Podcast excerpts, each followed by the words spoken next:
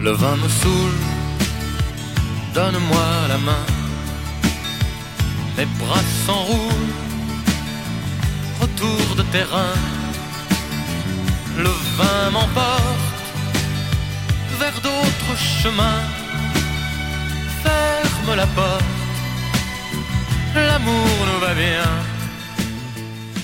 Le vin masoul, vinet berusar mig, sjunger Nicolas Peyrac. Kanske är det inte bara vinet som berusar i Frankrike. Kanske är det hela landet i sig. Drömmen att ha ett eget bed and breakfast i Frankrike, som kallas för chambre d'hôte på franska, ja det är det många som har. Och flera har förverkligat den drömmen. I vår serie Livet i Languedoc är vi nu framme vid femte delen och vi ska fortsätta på temat från förra delen och höra om den där drömmen ur ett företagsperspektiv. Vi kommer att göra nedslag i byarna Vieuxson och Nefjes och träffa svenskar som flyttat till Languedoc och driver bed and breakfast-verksamhet. På tyresoradion.se kan du lyssna på de fyra tidigare delarna i den här programserien. Vi ger oss först iväg till Lotta och Gunnar som har hittat sitt paradis i lilla byn Vieuxan som ligger på en bergssluttning i nationalparken Parc Naturel Régional du Haut-Languedoc. Och jag som pratar heter Jerker Pettersson.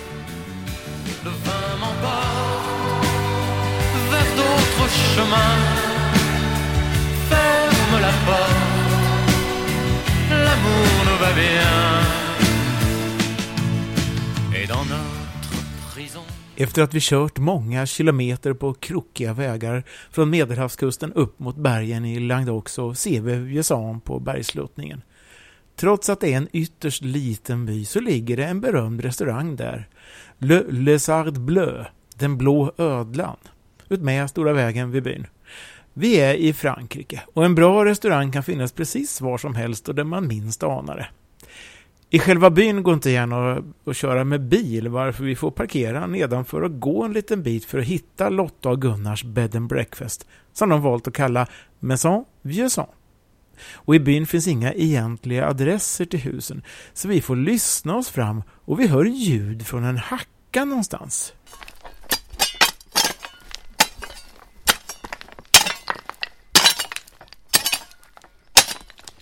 Man känner sig som en nybyggare. Gunnar säger att de känner sig som nybyggare när de ska anlägga ett poolområde på terrassen nedanför huset. Att gräva en grop för en pool på en terrass i en bergsluttning låter som att det blir mycket jord att frakta bort, men inte alls. Nej, vi, vi tänker så här att vi gräver ungefär halva djupet och så fyller vi ut med jorden och sten runt om. Och så lägger vi en skifferterrass runt poolen istället. Så att det kommer att muras upp här en hel del. Det, vi ska försöka göra så att det blir också så att det ser ut som den ligger i en ruin. Så vi kommer att liksom mura upp lite halv, halva väggar. Lite, det ska se ut som att det är en ruin som, som vi har lagt den i. Så det är ju en, en gammal by med bara stenhus så det är roligt att fortsätta med det. Ja, den nedre delen i huset här är ju från eh, 1000-talet, 1100.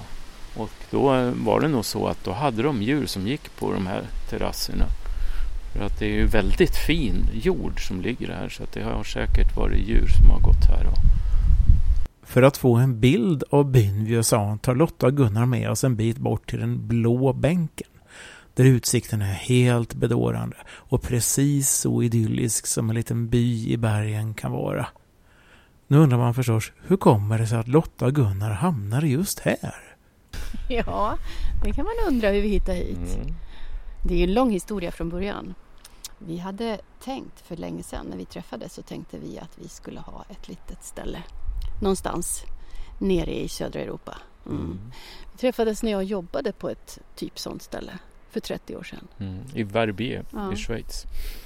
Och då väcktes ju drömmen till att ha något sånt här så att vi letade faktiskt efter någonting just i Alperna då för 28 år sedan. Italienska Alperna. Men eh, sen när vi kom hem till Sverige så gick det väldigt fort att bli med barn och då, då blev det ju nya, nya planer och nya drömmar. Men den här drömmen har väl legat kvar hela tiden för oss. Mm. Och nu, nu för två år sedan så börjar vi förverkliga den drömmen. Mm. Så det är alltså en 30 år gammal dröm. Det tar tid för vissa. ja, nej. Mm. Ja. Nej, men sen när barnen flyttade hemifrån och så, där, så kändes det som att, men oj, man kan göra vad man vill. Man kan göra vad man vill. Resa eller flytta eller sådär. Så då började vi titta på hus här. Mm. Och Och att vi hamnade just i Languedoc, det, det var ju lite grann det där att vi ville, vi ville ändra klimat, vi ville komma till ett land med, med bättre klimat. Och då hade man läst att Languedoc är det ju mycket sol. Man säger ju att det är 300 soldagar per år i Languedoc. Och sen ligger det, för oss ligger det så centralt på något sätt.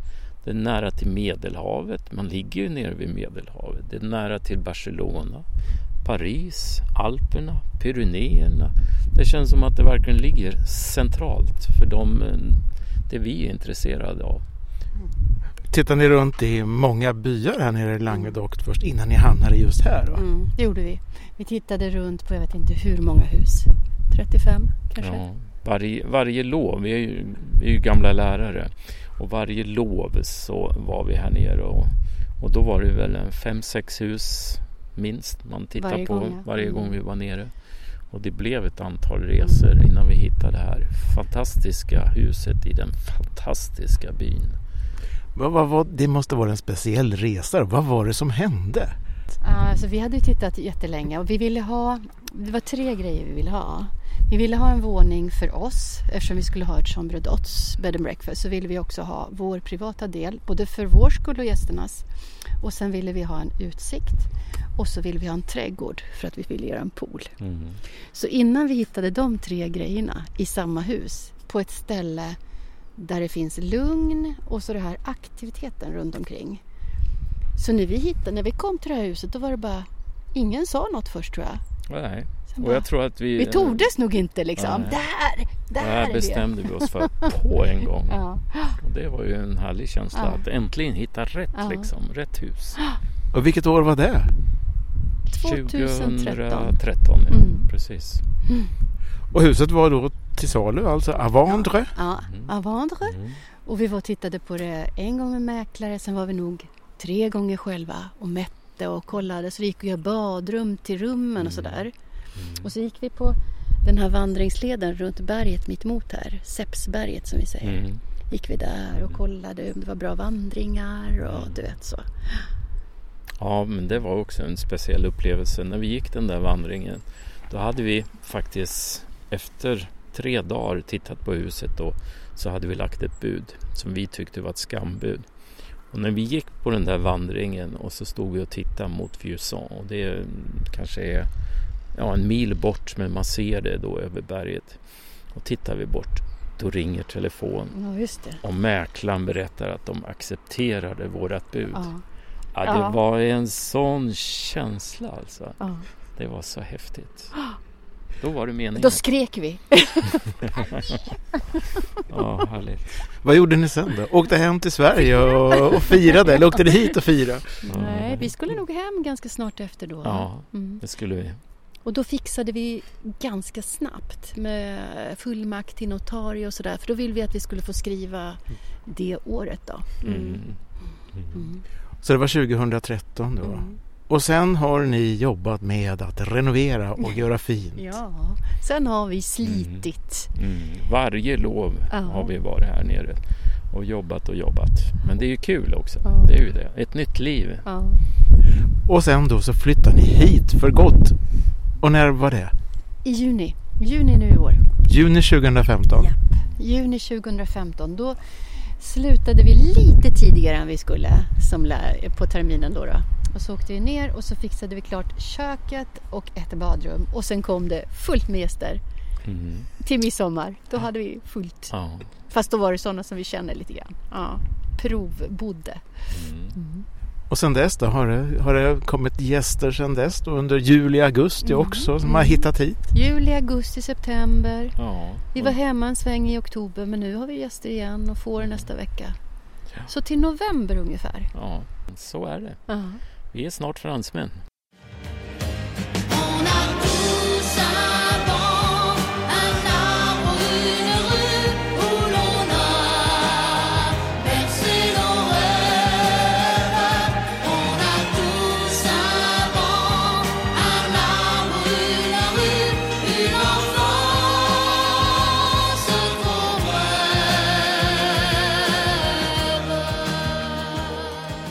Så gick det alltså till när Lotta och Gunnar hittade sitt paradis. Nu driver de företaget Maison Vieuxant med bed and breakfast, eller chambre d'hôte som det heter på franska. Det jag undrar är vilka de vänder sig till och vad de vill erbjuda. Det vi vänder oss till det är ju egentligen aktiva pensionärer eller liksom folk som är runt 50, 55, 60 som vill ut och röra på sig. De tycker om att resa men vill inte ligga vid stranden. Det vi erbjuder våra gäster det är ju att, att bo i en, i en gammal by med ett fantastiskt lugn men samtidigt en fantastisk miljö runt omkring. Både utsikten mot bergen men också det att vi har vandringen direkt utanför porten så att säga. Och vi har närheten till eh, floden där vi har en fin badplats. På vår lediga, tid, eh, som har varit ibland då och då, så har vi rekat ganska mycket omgivningarna för att just kunna berätta för våra gäster eh, vad som finns runt omkring. Och vi har också i vårt koncept att vi har få rum för att vi ska hinna ta hand om gäster. Vi ska hinna, vi vandrar med, cyklar med, följer med på utflykter för en viss kostnad då. Så att, vi kan, så att man inte behöver upptäcka allt själv när man kommer hit. Mm. Så en slags guidning då. Hur gör ni med marknadsföringen? Ja, vi har ju en hemsida som vi får mycket kontakter via. Och sen så har vi en eh, Facebook-sida som är kopplad till det och där lägger vi ut hela tiden nyheter och bilder och så. Så att det är ju via nätet vi marknadsför. Sen så har vi faktiskt haft lite eh, informationsmöten när vi har varit hemma i Sverige. Där vi träffar folk och vi eh, visar en film och visar bilder och presenterar stället.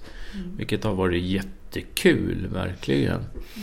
Och varit väldigt uppskattat faktiskt. Ja, jag tänker, det har vi gjort tillsammans med Anna-Britta Onkenhaut som är sommelier, som har ett hus här bara en halvtimme ifrån, som vi jobbar tillsammans med. Så hon har varit här mycket och hon har tagit ut viner till vår vinlista, till våra menyer och sådär. Så när vi har gjort de här marknadsföringsgrejerna så har hon varit med. Så vi har haft vinprovning och pratat om Languedoc. Mm. Vi samarbetar ju mycket med de andra som har startat eh, Chambre d'Hôte här nere.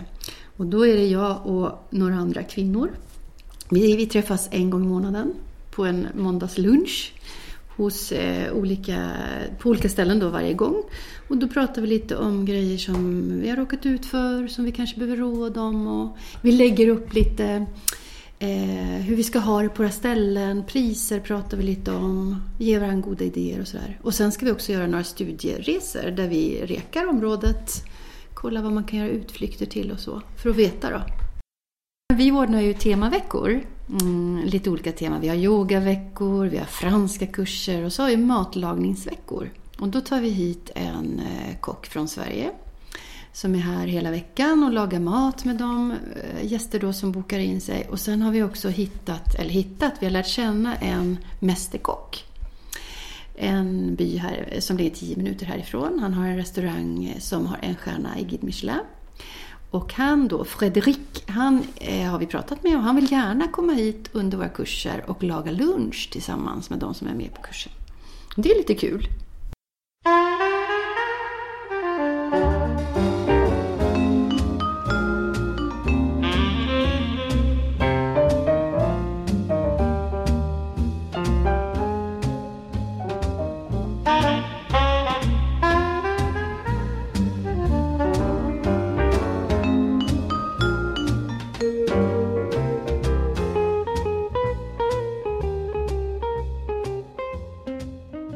Så lämnar vi den fantastiska miljön hos Maison Vieuxant och beger oss ner från bergen förbi det kända Roquebrune med sitt mikroklimat mot slätare land och styr kosan något nordöstut till den pittoreska franska lilla byn Nefjes där Yvonne och Micke har etablerat sitt bed and breakfast under namnet La Belle Vue, den vackra vyn.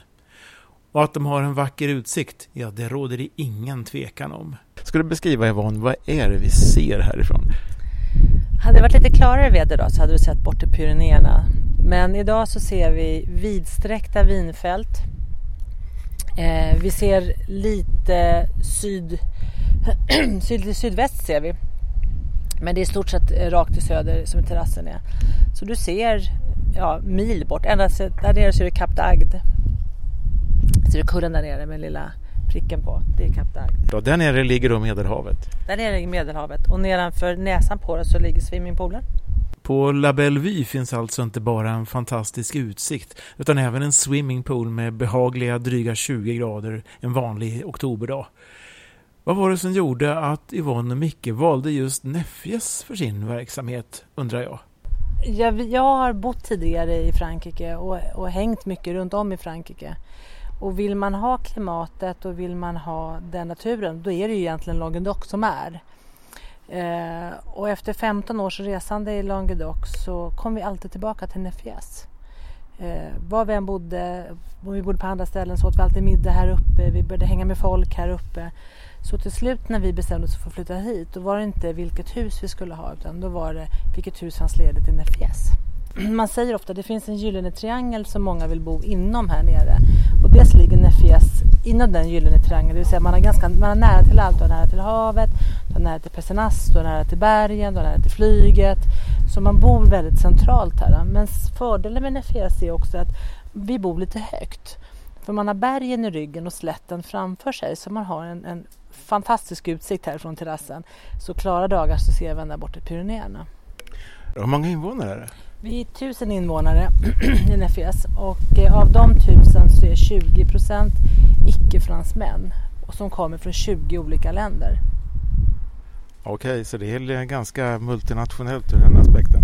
Ja, Nefjes är känd för att vara både väldigt öppet och insläppande eh, men också väldigt multi- multinationellt och har alltid varit det. När var det ni flyttade hit då? Precis ett år sedan. Jaha, så det är jubileum nu då. Mm, det är det.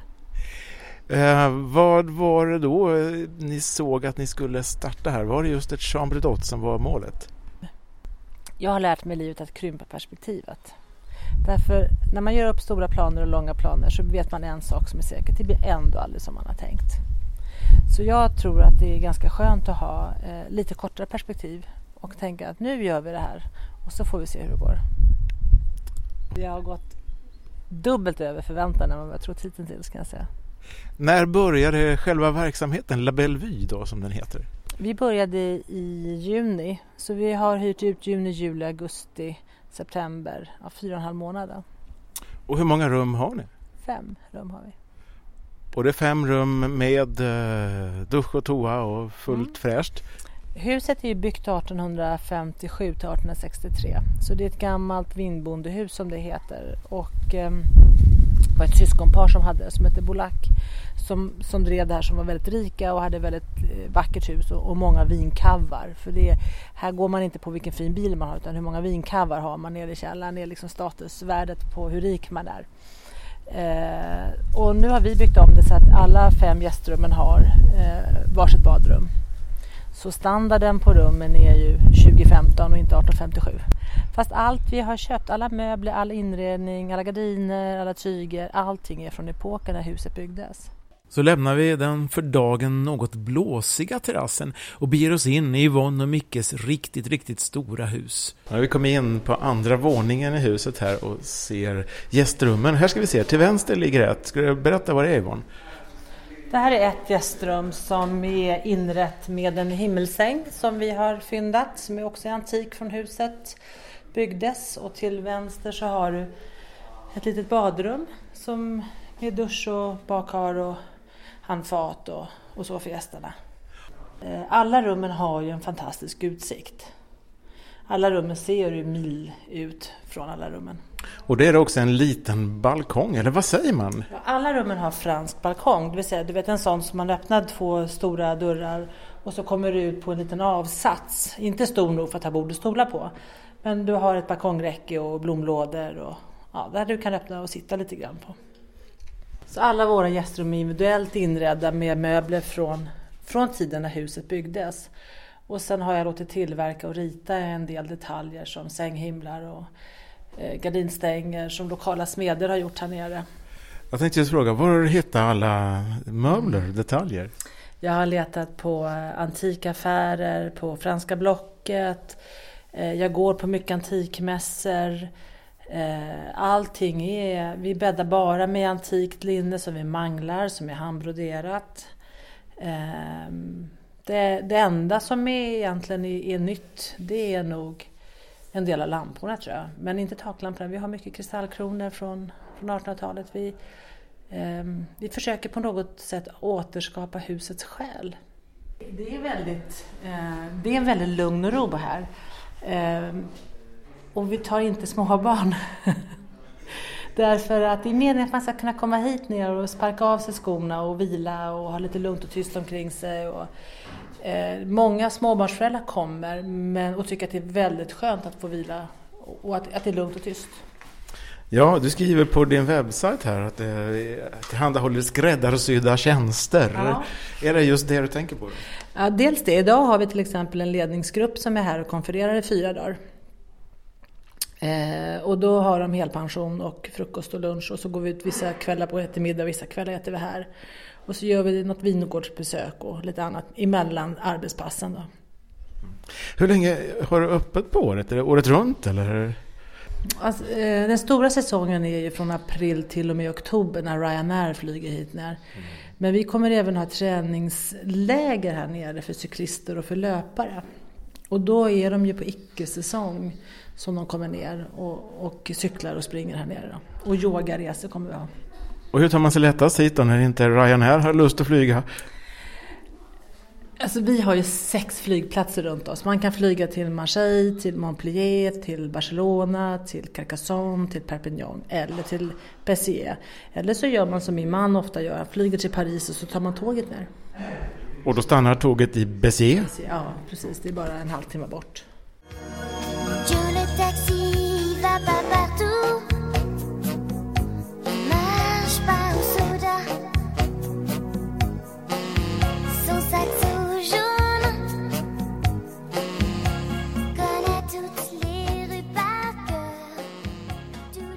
Så har vi då det där med tillstånd och regler för företagande med mera. Hur fungerar det i Frankrike? Ehm, man ska, det är lite annorlunda mot hemma i Sverige. När vi presenterade oss för borgmästaren här nere så berättade han att man behöver ha ett tillstånd för att ha det här B&B här nere. Och så frågade jag mina grannar, fransmän då, som driver B&B, så sa jag så här, hur har ni gjort med det här tillståndet? Och då ska man då veta att han är jurist och jobbar inom Eh, den offentliga förvaltningen i en större by bredvid. Han säger till mig så här, vadå tillstånd? Vad, vad menar du med tillstånd? Ja men man ska ha tillstånd för att driva bil. Nej Yvonne, nej, nej, nej, det behöver du inte ha. Och sen kommer en dam som heter Caroline som jobbar här på, på förvaltningen i vår lilla by. Så frågar hon mig en dag så här, men Yvonne, säg till om du behöver hjälp med någonting. Man kan göra någonting för, ja det där tillståndet som borgmästaren sa. Vilket tillstånd? Ja, men man ska ha tillstånd för att driva B&B. Ja, nej, men det kan du ta sen när ni har kommit igång. Ta dem ett par år, då fixar vi det.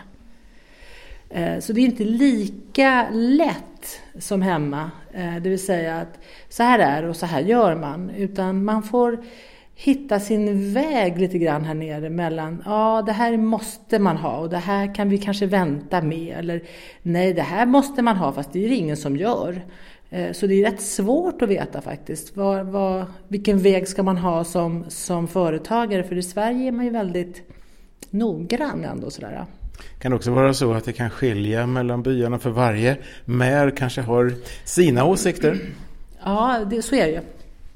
Till viss del.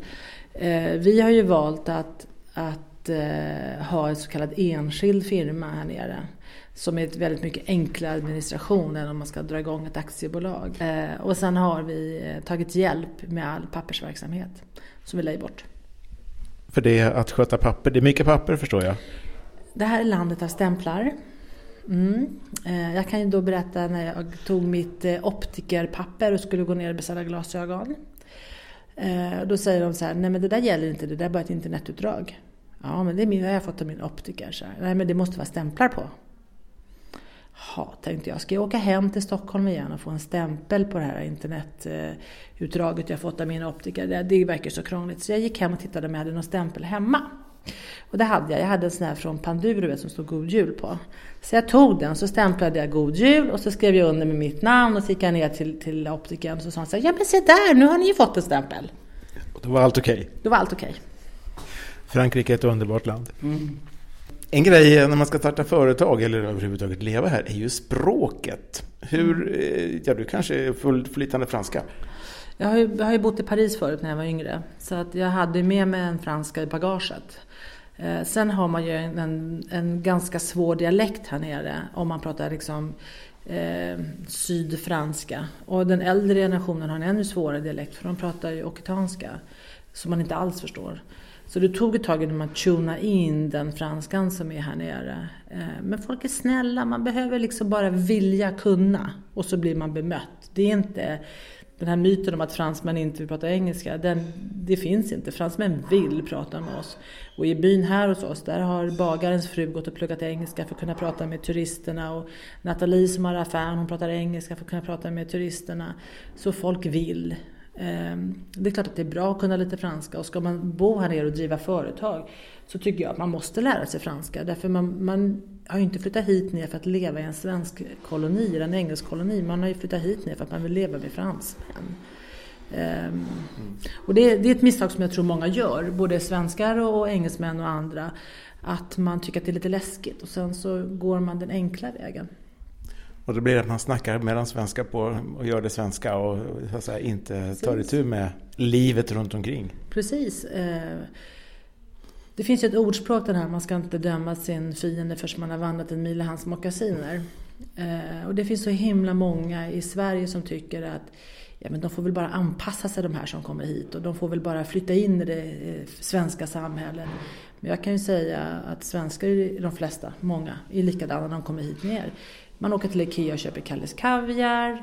Eh, man köper nästan alla sina möbler på IKEA. Man flockar ihop sig i svenska kolonier. Och man umgås med svenskar. Och så åker man till H&M och köper kläder. Och med Yvonnes erfarenheter av såväl själva landet Frankrike som att driva verksamhet. Vilka råd skulle hon vilja ge? Hoppa. Tror jag. Hoppa så, man har inga vingar när man hoppar. Man hoppar så växer vingarna ut och så flyger man så småningom. Så det är alltså gör? Ja, eh, det finns så himla mycket om och men och det kan inte gå, det, man klarar inte det här eller det finns massa hinder på vägen. Och mm. Det går inte att förutspå allt som kan hända eller så. Det, det kommer vara tusen grejer som går fel och, och händer. Så här. Men vill man så gör man. För jag tror att det där gamla ordspråket som mormor lärde mig en gång, det här bättre lyss till en sträng som brast än att aldrig spänna sin båge, är rätt bra. Det här kanske inte alls är vår grej om fem år. Ja, men då får vi väl sälja och flytta hem då. Så jag tror inte man ska göra det så himla stort och svårt och krångligt. Jag hade ett par här idag som gärna vill flytta ner ehm, och som har radat upp alla rädslor. Och jag tänker så här, det är väl bättre att man räddar upp alla möjligheter. Ja, och framförallt inte tro att, att eh, det värsta ska hända. För det värsta kan hända eller det värsta kan inte hända. Eh, och då tar man bara ut sorgen, tänker jag, i förskott. Jag tror att man ska Eh, vill man någonting väldigt gärna, då ska man testa det. För det är värre, tror jag, att, att ligga där på, på dödsbädden och liksom ångra att man inte har gjort. Ja, förutom att, att hoppa och eh, låta vingarna växa, så tänker jag sådär att, att det gäller också att vara lite realistisk. Eh, man behöver göra en, en, eh, om man nu ska driva sån här verksamhet, man ska inte tro att man ska tjäna pengar på det här. Det här är ett sätt att leva och liksom få vardagen att gå runt. Men när man åker ner och köper hus, som många gör här nere, så är man ibland lite svenskt naiv. Man tror att man är skyddad av diverse lagstiftningar och eh, undersökningar och sådär. Eh, och jag tror att man behöver vara inte så naiv, man behöver nog eh, sätta sig själv liksom vid rodret och tänka sig, okej okay, jag köper ett hus här nere nu, vad behöver man göra? Jag behöver göra en ordentlig undersökning av huset, jag behöver se till att kalkylen håller. Eh, lite mer än vad man behöver göra hemma i Sverige, för i Sverige har vi eh, en helt annan lagstiftning som skyddar vid, vid fastighetsköp. Om jag skulle ta något mycket konkret exempel på det här vi kan se att svenskar är lite godtrogna och inte ser vad som kan hända. Hemma skulle ingen köpa ett hus utan att göra en jordabalksbesiktning på huset. Här nere gör ingen en jordabalksbesiktning på huset. Och varför gör man inte det? Därför det finns i lagen här nere att, att säljaren är tvungen att göra en besiktning av huset. Men den är extremt liten och ytlig. Eh, den mäter så här, förekomsten av bly, asbest, termiter, hur elsystemet ser ut och risk för översvämningar typ. Eh, och termiter är väl det viktigaste av det, men om det är bly i fönsterfärgen så är det inte ett jättestort problem. Ett större problem är ju om balkarna är ruttna och det mäter man inte. Eh, så det tycker jag, eh, det är lite, det, ja där är man lite naiv. Mm. Om du skulle sammanväga då så här att ha företag och driva verksamhet i Frankrike och jämföra det. Är det så att säga lättare eller svårare än vad du trodde? Det är ungefär som att driva företag i Sverige. Det är ingen större skillnad. Och du hade drivit företag i Sverige innan du kom hit. Ja, jag har haft enskild firma i Sverige också. Så att, nej, det är ingen större skillnad. Eh, jag är lika crappy på bokföring hemma som jag är på, på franska. Så jag menar att, att ta hjälp av någon som sköter pappersexercisen eh, för en sån som jag som är en, en entreprenör. Eh, det måste jag vare sig jag är i Sverige eller Frankrike för jag, annars får jag skattemyndigheten på, på mig hemma också. Så det behöver man göra. Le vin me saoule, donne-moi la main. Nu har vi hört hur två nystartade bed and breakfast, Lotta och Gunnar i Vieuxant och Yvonne och Micke i Nefjes, resonerar om livet och företagandet. I nästa del ska vi möta paret som flyttade företaget till Frankrike och blev både murare och konstnär. Ja, allt kan hända i Livet i Languedoc.